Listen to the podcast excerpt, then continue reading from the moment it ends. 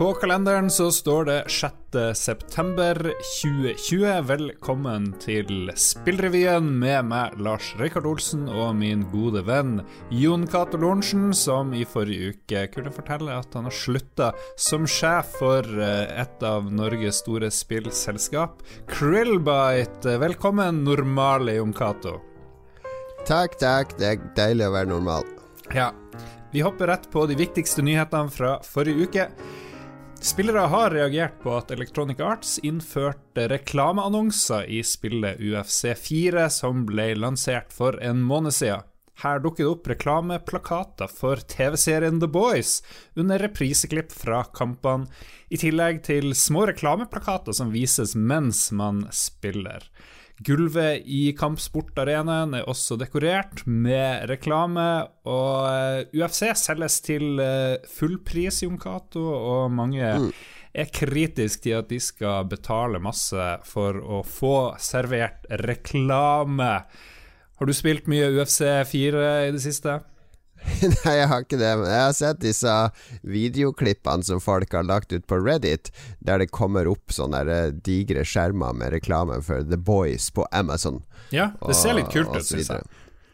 Det ser jo autentisk ut, Fordi hvis du ser på sport fra USA, så, så Altså, amerikanerne har jo perfeksjonert kunsten, hvis vi skal kalle det en kunst, å putte kommersielle ting inn i ethvert produkt. Ja. Så sportssendinger er jo gjennomsyra av sånne små plakater som popper opp med, med reklame for alt mulig. Ja, så for å få en enda mer autentisk opplevelse, så burde det jo være sånne femminuttsavbrudd veldig ofte i spillene, og så får vi masse reklame vi må sitte og vente på.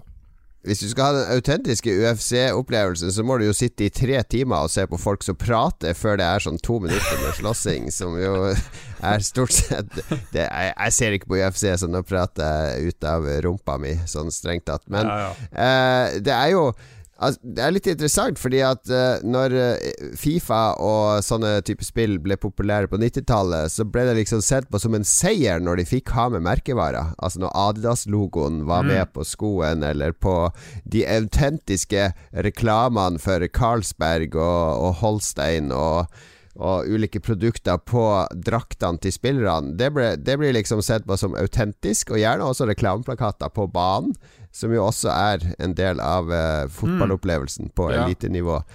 Så, så, så, så, sånn sett så er jo dette enda en et steg videre mot å få det til å bli autentisk. Men samtidig så er det jo en, en inntektskanal for Electronic Arts. Ja, du sier det er en måte å få det autentisk, og jeg tenker det er jo minst like mye på veien til å gjøre det mainstream. Og det har jo både positive og negative sider, tenker jeg. Men Eh, har vi sett reklame i like stor grad i noe spill som det her, da? Som du husker? Eh, ja, men da har det ofte vært snakk om gratisversjoner av spill. Uh, et norsk spill var jo litt sånn pioner på akkurat det feltet her, for NRK Online, når de måtte legge om businessmodellen etter at de oppdaga at det var ikke Eller de klarte ikke å nå så mange eh, mm. abonnenter, betalende abonnenter, som de ønska, så lagde de en, en gratisversjon av spillet. Og da, når du da gikk rundt i denne fremtidsbyen, så dukka det opp reklamer for eh, leskedrikken Sprite, eller for Mutley Crew-turné og sånne ting, som var litt sånn immersion breaking, i og med at du skulle være mange hundre år inn i fremtida. Men eh, da var det lettere for spillerne å akseptere det, for hei, jeg betaler ikke en rød øre for å spille det her, så eh, reklame kan jeg akseptere. Ja Uh, hva var første gang du så reklame i et spill? Jeg tror uh, California Games. Jeg vet ikke om det var reklame, men jeg husker Santa Cruz skateboardklubb var liksom det kule laget å velge. Og Det var, ja, det var ekte, litt... og det gjorde det litt sånn annerledes at den virkelige verden tok en snartur inn i spillene. Ja, men når, når, spill var sånn undergrunnskultur, så var det jo kred, ikke sant, å si at oi, disse seriøse merkevarene tar spill seriøst. Jeg husker et av de første Splinter Cell-spillene òg de hadde reklameplakater i spillet som kunne Altså sånne billboards i byen der Sam Fisher var, der det var en diger X-reklame en periode, husker jeg. Eh, og så var jeg, jeg har også vært på seminarer eller foredrag om det her med in game-reklame, fordi på 2000-tallet så ble det sett på som eh, et gigamarked i, under utvikling, fordi det disse reklamefolkene ville, var jo selvfølgelig å vite eh, de, Du kan jo måle nøyaktig hvor mange sekunder eh, spilleren ser reklamen din. Eh, og få veldig nøyaktig feedback på hvem er det som spiller. Eh, hvor lenge ser de reklamen? Hvilke ja, call to actions kan vi ha etter reklamen? Det er mye mer eh, data å hente på det her enn det er via en TV-reklame, f.eks., som du, du, bare har et eller annet anslag på hvem som har sett det, og hvor, hvordan de har reagert. Ja. Så, men det går jo inn på litt sånn der uh, brukerdatabeskyttelse. Vil, vil du spille et spill der spillet hele tida måler hva du ser på, og sender det tilbake til aktører som har betalt for å plassere produktene sine i spillet, for å, å påvirke det? Er det noe annerledes enn når vi driver og surfer rundt og du driver og ser etter ny bil eh, et eller annet sted, og plutselig så dukker det opp 30 nye bilannonser på Facebook osv. Ja, vi har akseptert det på internett uh, fordi det er gratis, uh, så det er en trade-off. Men på et spill du har betalt 600 kroner for, så, så synes jeg det er litt sånn ja, ja, det, er, det er et stort moralsk grått landskap her med disse reklamene i kommersielle spill. Ja, Er spill like attraktive reklameplattformer som den tida du snakka om, da folk var, var ekstra gira og så mulighetene?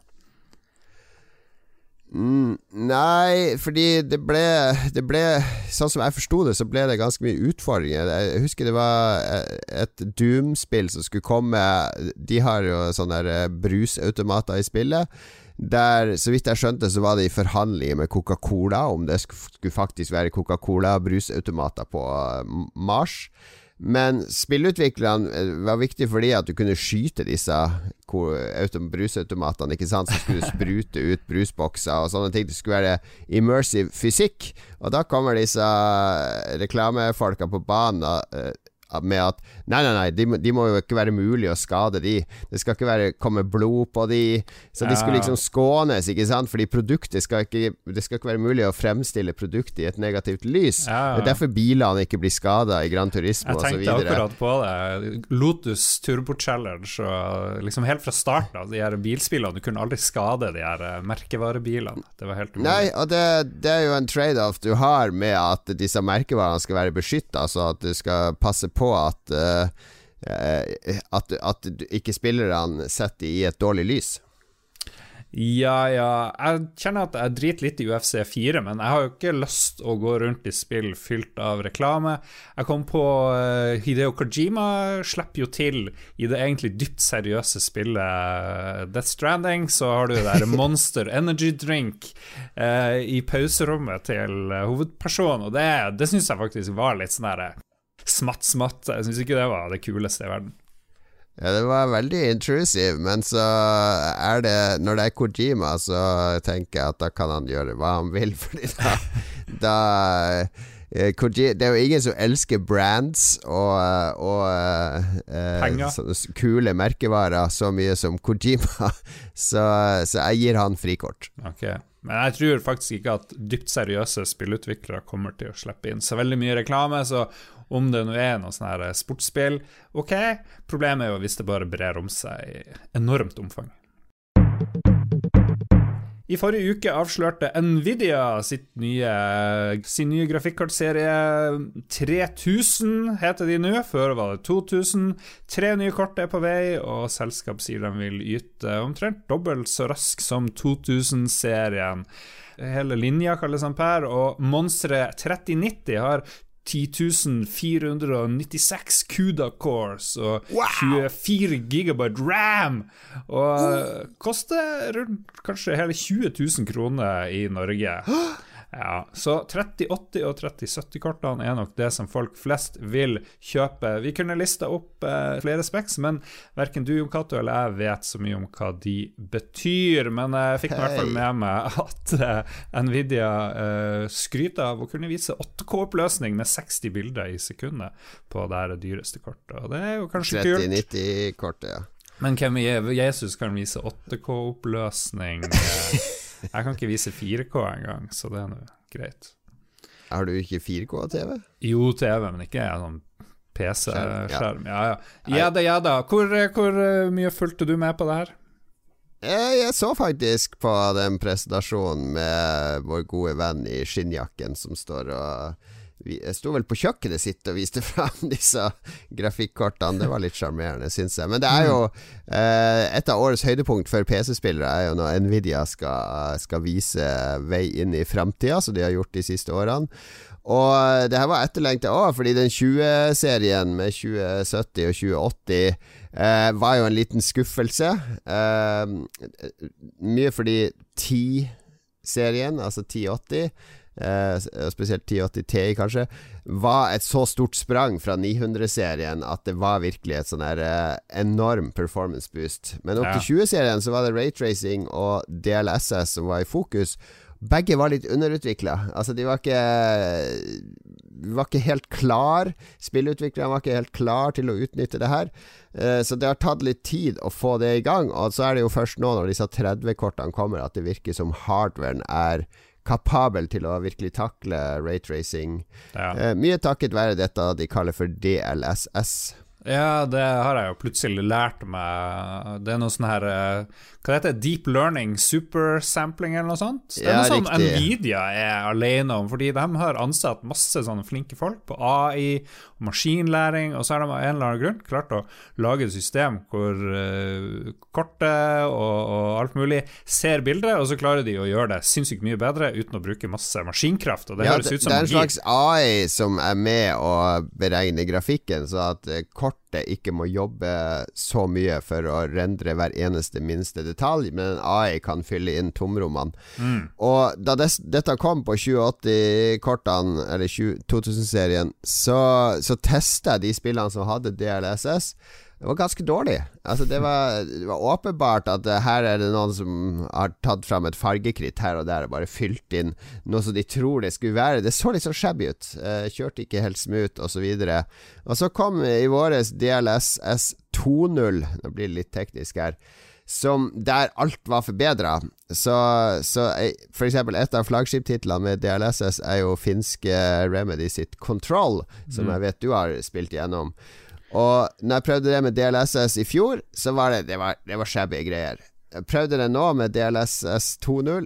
Helt fantastisk. Det kjøres så smooth. Det er reflections, det er raytracing overalt. Eh, det, er, det, var virkelig eh, en eye-opener for, for, meg hvor bra DLSS eh, faktisk har blitt. Ja, og jeg skjønner jo her at du er i ferd med å kjøpe deg et 3000-kart. Har du bestilt det allerede? Nei, det er jo ikke mulig å bestille ennå, men jeg har nå satt meg opp på disse ventelistene her og der. Uh, Hvor, uh, Hvilken serie går du for? 390 til 20 000? 3090 trenger jeg ikke. Jeg har ikke noe 8K-display. Pluss at eh, resten av PC-en også snart trenger en oppgradering, både hovedkort og CPU. Men, så det blir nok et 3080-kort. Eh, altså en liten PC-oppgradering neste år. Her er jo fred for en sånn PC Master Race-fyr. Da blir det jo helt Helt provoserende. Men jeg syns det var interessant når vi snakka om det her i chatgruppen vår, at du følte at nå følte Selv du som er litt sånn konsollvennlig, mm. altså foretrekker å spille på konsoll, du følte at lufta gikk litt ut av PlayStation 5 og Xbox for deg nå? Ja, det, jo, det, er jo bare følelser, det har jo ikke noe med realitet å gjøre. Men jeg tror ikke jeg er helt alene i å tenke at her kommer uh, Nvidia og torpederer den enorme hypeballongen som mange har levd i uh, angående både Xbox Series X og PlayStation 5. Fordi nå snakker vi om tech som er veldig, veldig avansert, veldig, veldig dyr, og som vel PlayStation og Xbox ikke er i nærheten av å kunne matche. Eh, jeg syns jo det er artig med litt sånn tech-greier, da, så jeg har fulgt litt med, lest mye forum, vært og nerda om hva er DLSS, hvorfor er Nvidia bra på den teknologien, og hvorfor eh, kommer det mest sannsynligvis ingenting som ligner på det til PlayStation eller Xbox med det første, og det syns jeg var litt kjipt. Men uh, jeg er fremdeles gira. da PlayStation og Xbox har jo sånn her uh, velocity og annen tech som gjør at spill kommer til å laste sinnssykt fort uh, mer enn vi er vant til. Og man kommer til å tilgjengeliggjøre sånne her artige designtriks som man så i Ratchet mm. og Clank. Det er hvor du hopper fra én verden til en annen på bare et par sekunder. Og sånn. Og jeg vet ikke om PC er helt der ennå, så det er mulig at konsollene har en slags lite advantage der fremdeles. Ja, det blir spennende å se. Altså, det, det, skal også være mye hurtigere ram på disse, denne 3000-serien, så at assets eh, En sånn bottleneck som har vært før, skal være fjerna i forbindelse med loading her òg. Eh, en annen ting som de også snakka om, var jo en sånn reflex-teknologi. Som gjør at input latencyen eh, går kraftig ned. F.eks. Destiny 2 skulle være sånn flaggskip-tittel her, med tanke på hvor hvor kjapt grafikken skal respondere på din input. Mm. Så det er mye sånn buzzwords, eh, og gledelig nok så kommer jo 3080-kortene allerede om halvannen uke eller noe sånt, så, så, det kommer nok til å komme mye tester og bli morsomt å se på ja. fremover. Jeg kjenner jeg blir litt småkvalm av den praten, for vi detter jo rett i hypetoget. Vi er jo hekta limt fast i hypetoget. Til, ja. Vi skulle være motpolen til alt det. Men uh, ja, hvis vi skal være litt rasjonelle En rasjonell ting å se på er jo faktisk prisen. Fordi den ble jo mye lavere enn folk frykta for 3070 og 3080. De ligger vel på Eh, under 10 000 kroner i Norge, som høres veldig mye ut, men hvis du ser mm. på mobiltelefoner og laptoper og all annen teknologi, så det er ikke som det var for ti år siden. Nei, jeg tror 499 eh, dollar var det som ble sagt på vanlig 380, og det blir jeg vet ikke hva det blir, 6000 i Norge? Noe sånt? 3070 tror jeg du snakker om. Ah, ja. de 30, det ligger priser på komplett nå på 3080, og de er fra 8500 til 10 000. Ah, ja. Ok, det er såpass. Ja, ja. Ja, det er kost, krona er svak, vet du, så vi lider litt under det. Mm. Uh, ja, ja, men uh, hvis du er uh, Det vi fant ut også da vi gjorde research på denne episoden, er jo at vi vi er ikke de mest tekniske kompetente her.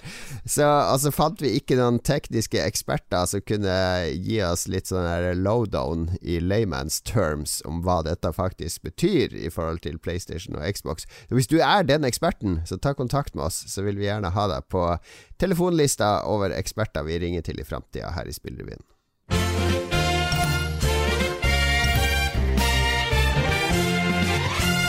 Nintendo hyller 35 år med Mario, med en rekke nye utgivelser med spillikonet i hovedrollen. Det japanske selskapet vet å feire sin viktigste figur, og kommer bl.a. med Super Mario 3D Allstars, en pakke som inneholder Super Mario 64, Super Mario Sunshine og Super Mario Galaxy. Og dette er spill som kom på Nintendo 64, GameCube og Wii. I tillegg så kommer et Battle Royale-spill med Mario, og en ny utgivelse av Wii U-spillet Super Mario 3D World. Prikken over i-en er en splitter ny Game and Watch-aktig maskin, som spiller Super Mario Bros, The Lost Levels og Game og Watch-spillet Ball. Ball? Ja, det er sånn sjongleringsspill. Ah. Sånn ekte Game and Watch-spill ja, ja. med LED-lys og sånn. Han er sjongleringsmann. Hvor, hvor, er Donkey Kong Junior? Det var jo det jeg spilte. Det må du vente til han fyller år. Jeg føler det er sånn Nintendo-figur som fyller år hvert år. Det er ikke så mange år siden vi hadde Year of Luigi, der det kom masse Luigi-spill. Ja. Uh, så Nintendo er jo ganske flinke til å hylle historien sin.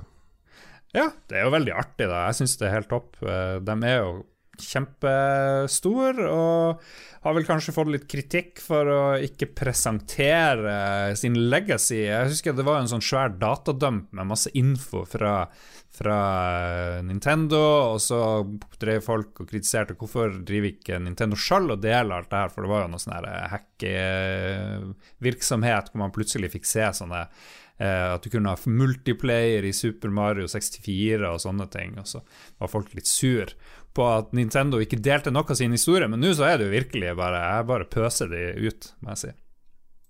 Ja, det er jo en veldig kontrollert historie. Det er jo snakk om gjenutgivelse av uh, gamle klassikere i stor grad her, uh, som jeg syns er egentlig greit. Jeg, jeg, spiller ikke så mye remakes, men Mario-spillene er litt sånn tidløse. Det jeg, spill Jeg har spilt mange av de på nytt med barna mine, og gjenoppdaga de. Så jeg syns det er helt, uh, helt, topp at disse spillene, kanskje spesielt uh, uh, Super Mario 3D World, som kom til VU, som er en av de spillkonsollene til Nintendo som solgte minst spill. Det er et spill som fortjener å bli spilt av flere, mm. absolutt. Men det her er jo Jeg lurer på om du kalte det remakes. Det er vel ikke remakes, det er vel bare Jeg vet ikke. De, det så ikke så veldig oppfresha ut, det her Super Mario 64. Nei, de er ikke De er vel ikke delvis emulert eller noe sånt. Jeg har ikke satt meg helt inn i hva som er det. Eh, om de, det er vel ikke widescreen heller på de eldste, tror jeg. Nei, det så, så veldig kanskje... shitty ut, i hvert fall det jeg så. Men eh, nå var vel Super Mario 64 aldri det peneste spillet i utgangspunktet, da. Eller det Nei. var jo det. Jeg husker det var jo Jeg husker Husker du den følelsen av å se Super Mario 64 første gang? Ja, det var, det var grensesprengende. Ja, det var det. Så jeg gleder meg veldig til å spille det på nytt, faktisk. Jeg gjør det. Men uh, om jeg gidder når det ser litt skitt ut Litt usikkert. Um, trenger vi så mye Mario? Uh, står det her på lista over spørsmål vi skal stille oss sjøl, ja, litteratorisk? Det er jo noen som har kritisert det litt, fordi det er jo andre serier og som folk føler Nintendo ignorerer. Først og fremst Metroid, kanskje, mm. som veldig mange har lyst til å oppleve både Metroid Prime-spillene på nytt, men uh, gjerne få noen nye Metroid-spill som ikke blir laga av uh, sånne reservestudioer som har fått fått leke med Metroid før. Ja, ja. Nei, jeg er faktisk helt enig der. Skal vi tenke litt på Mario? 35 år gammel rørlegger. Eh, han var snekker i utgangspunktet, tror jeg, var han ikke det? Ja. Og blitt kjempekjær. Visstnok oppkalt etter vaktmesteren i, på Seattle-kontoret til Nintendo, ifølge ryktene Nei, eh, han, er, han har blitt ikonisk. Altså, på slutten av 80-tallet, starten av 90-tallet så var det noen amerikanere som gjorde en undersøkelse på TV der de fant ut at eh, amerikanske barn Flere amerikanske barn gjenkjente Mario enn Mickey Mouse.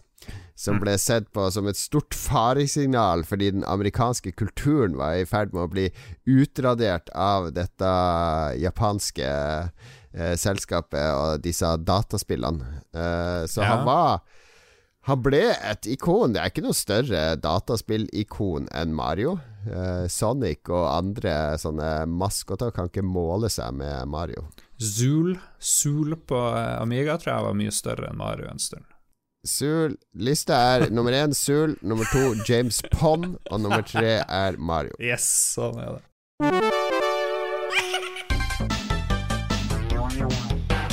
Hvor mange versjoner av The Witcher 3 trenger du, Jon Cato?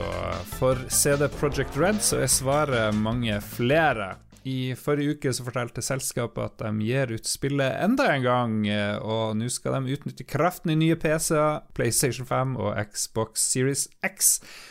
Blant nyvinningene er raytracing, forbedra lastetider og mer. Og jeg tenker med en gang på Er det det her og Skyrim som nå begynner å bli liksom de spillene som vi skal kjøpe annethvert år, eller hvert fjerde år, eller hva det enn det blir?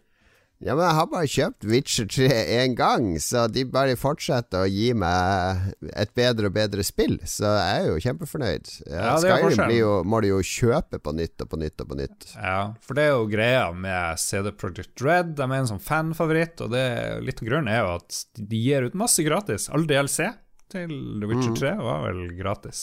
ja, det er to, to, pakker du må betale for, men, ah, ja. uh, men de har masse sånn små-DLC og oppgraderinger som kommer gratis. Og nå kommer også dette, som er en perfekt uh, anledning for f.eks. Uh, spilljournalist Rune Fjell Olsen, som ennå ikke har spilt gjennom The Witcher 3.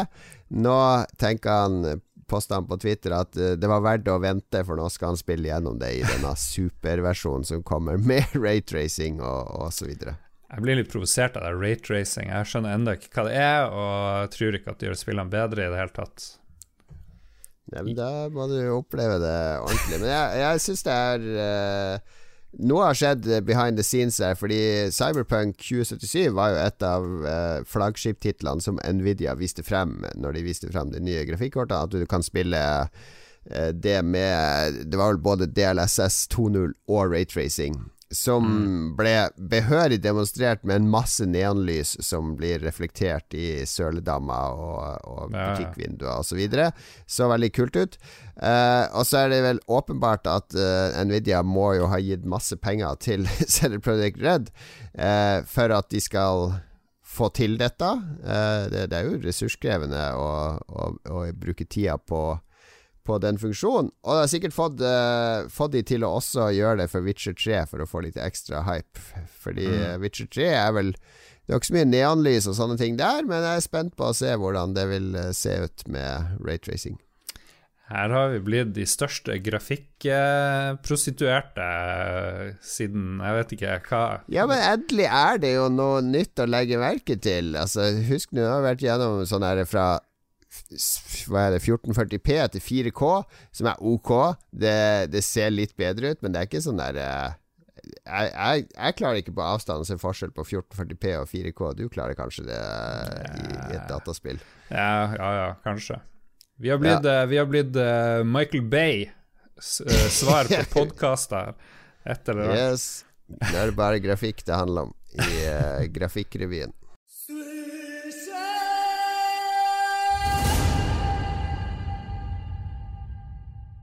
Komponist Simon Poole har vunnet prestisjepris for musikken i Funcom-spillet Draugen. Det melder Pressfire. Prisen er delt ut av The Ivers Academy i det som heter Ivo Novello Awards. Eh, Og vi tok en prat med Simon Poole for å høre mer om saken. Congratulations on the award. Uh, how does it feel to, to win such a prestigious award?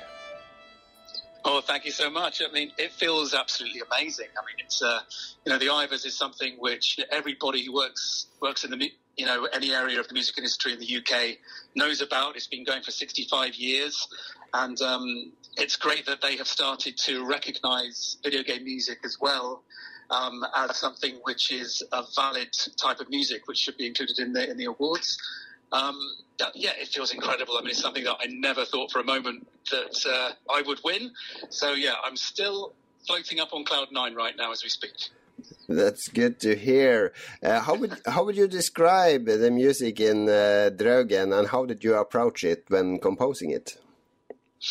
Well, the music in Draugen, I mean, I guess uh, the starting point really was, um, you know, going through the story with Ragnar Turnquist and um, trying to trying to identify the main elements that uh, should be sort of, um, um, you know, pointed at with, with music and highlighted with music.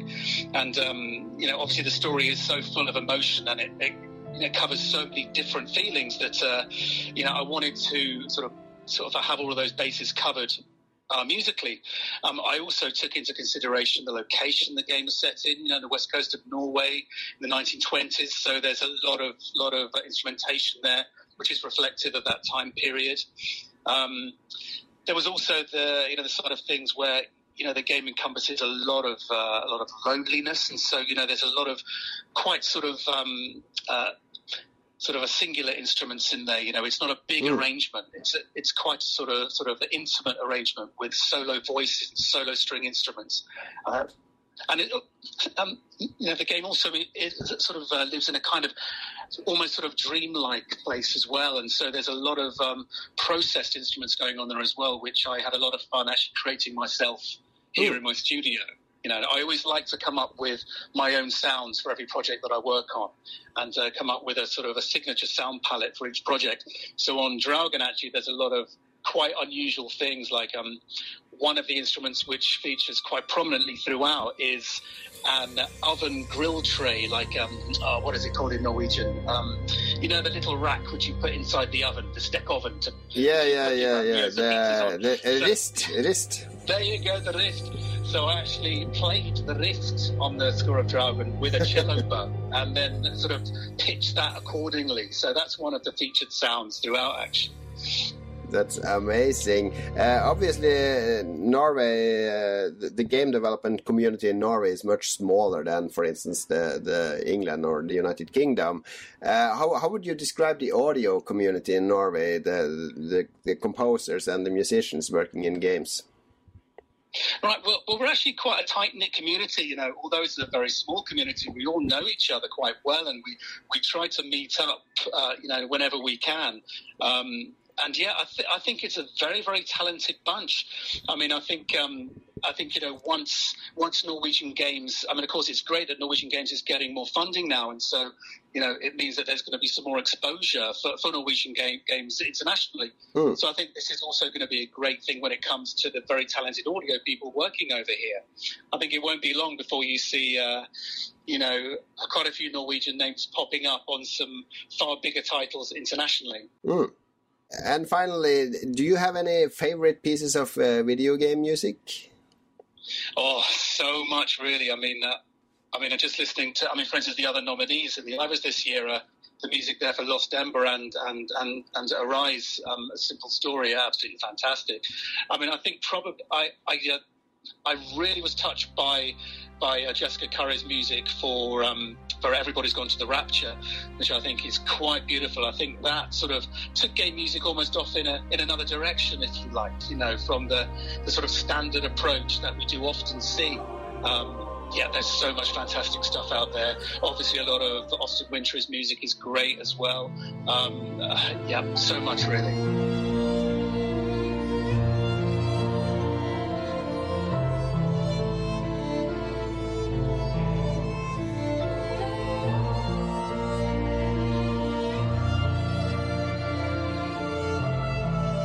Uh, Jon Cato, hvordan ligger Norge an med komponister til eh, spill? Musikkspillkomponister?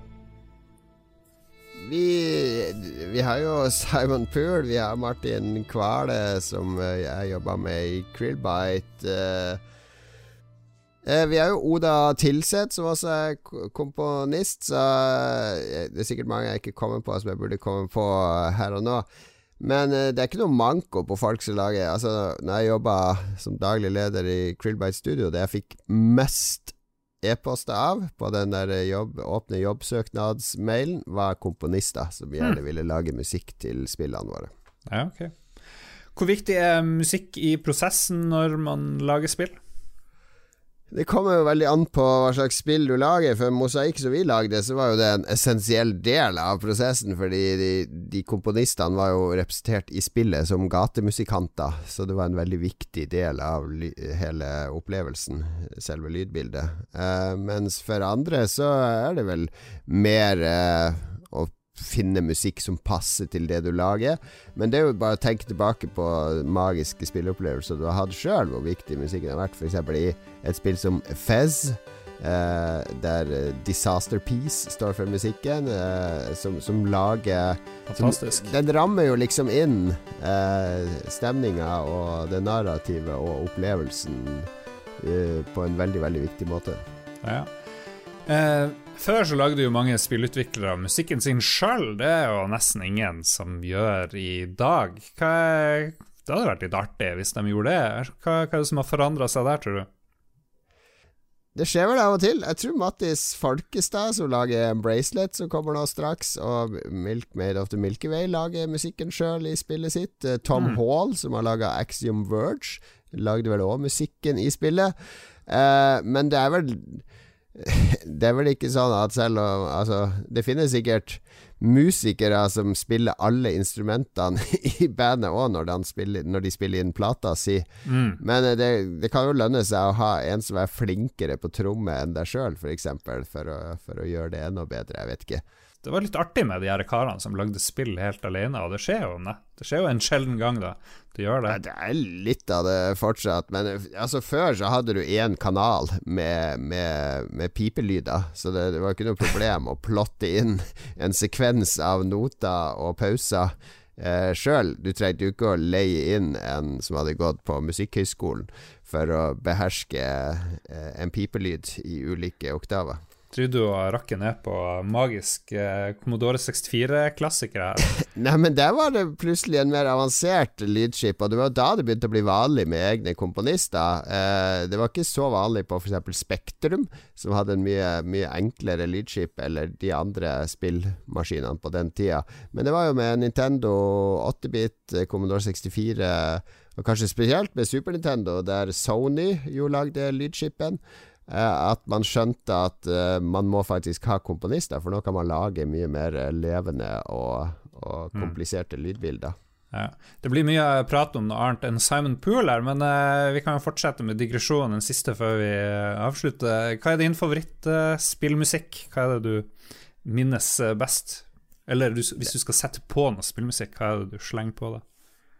Da slukker jeg alle lysene, og så drikker jeg et glass med whisky, og så lukker jeg øynene og legger meg tilbake og hører på 15 eh, minutter lange Parallax fra Martin Galway. Oh, det er nice. I hver episode så ser vi på ukens spillslipp. Har du lagt merke til at før så, så vi på de som kom eh, i uka som var? Nå ser vi på spillene som er på vei i uka, liksom, som starter med denne podkasten. Eh, mer spennende å se fremover? Ja, jeg tenker det er det, fordi da blir det sånn nyhets... Vi prøver å være en nyhetspodkast og ta for oss det ferskeste som har skjedd, og da kan vi jo heller informere om hva som kommer til å skje denne uka, i stedet for uh, ja. spill som folk kanskje allerede har runda når, når podkasten kommer. Ja. Uh, så, så, det er liksom sånn one to watch, eller noe sånt. Altså det vi har litt på radaren denne uka. Og to spill som dukka opp på vår radar. Det første er jo at det kommer en nyutgivelse av Kingdoms of Amalur. Eh, et spill som kom på Xbox 360 og PlayStation 3 opprinnelig. Et EA eh, actionrollespill. Ganske det Fortsett. Ganske smooth og strømlinjeforma opplevelse som prøver å være litt sånn her Fable, Selda, eh, Ringenes herre-type eh, spill.